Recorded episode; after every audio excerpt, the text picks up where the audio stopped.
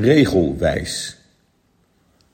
Op mijn wekelijkse hardlooprondje in het bos loop ik op een ruim 3 meter breed fietswandelpad een fietser tegemoet. De fietser rijdt rechts op mij af. Hoewel ik uiterst links loop, blijft hij volharden. Ternauwernood spring ik de berm in. De man stopt en hij verwenst mij van alles.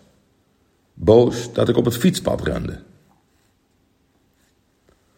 Natuurlijk heb ik wat van zijn gedrag gezegd. En ik vrees niet helemaal zonder krachtterm. Maar ik besloot vrij snel door te lopen. Geen land mee te bezeilen.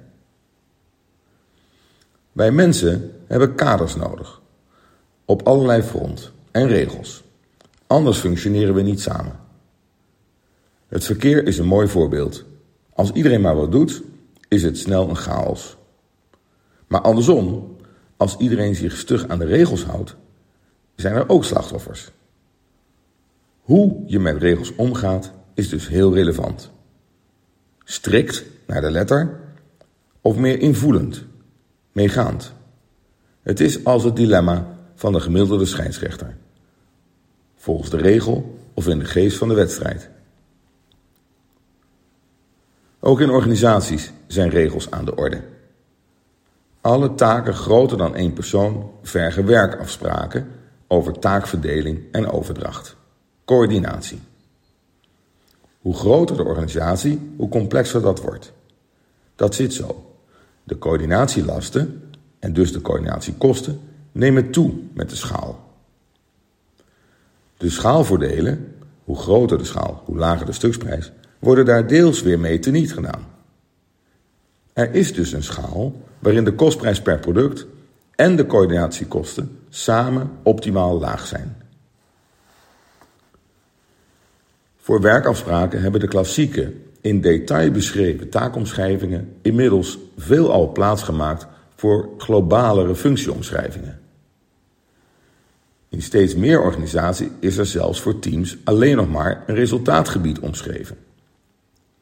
Deze sturingsvorm gaat uit van een volwassen attitude, ervaren competenties en verantwoordelijkheid en een hoge identificatie met het einddoel. En, inverse, van de betrouwbare directie, die goed werkgeverschap hoog in het vaandel heeft. Veel medezeggenschapsorganen hebben moeite met deze vrijblijvende kaders, omdat het willekeur en inconsequenties in zich herbergt.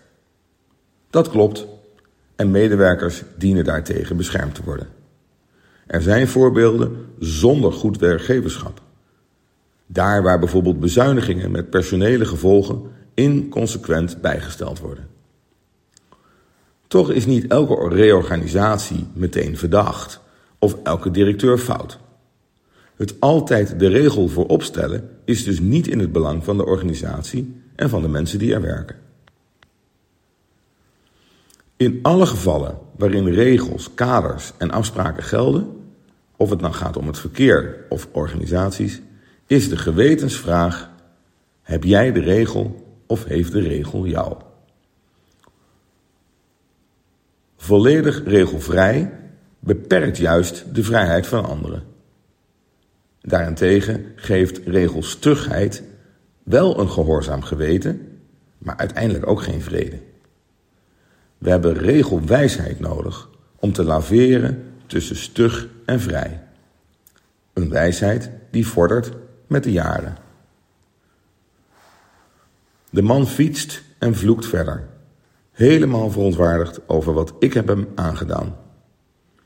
In het moment roep ik hem nog na dat hij voortaan beter thuis de regels kan gaan handhaven. Maar ik geloof niet dat die verwensing goed aankwam. Ook die wijsheid komt bij mij nog met de jaren.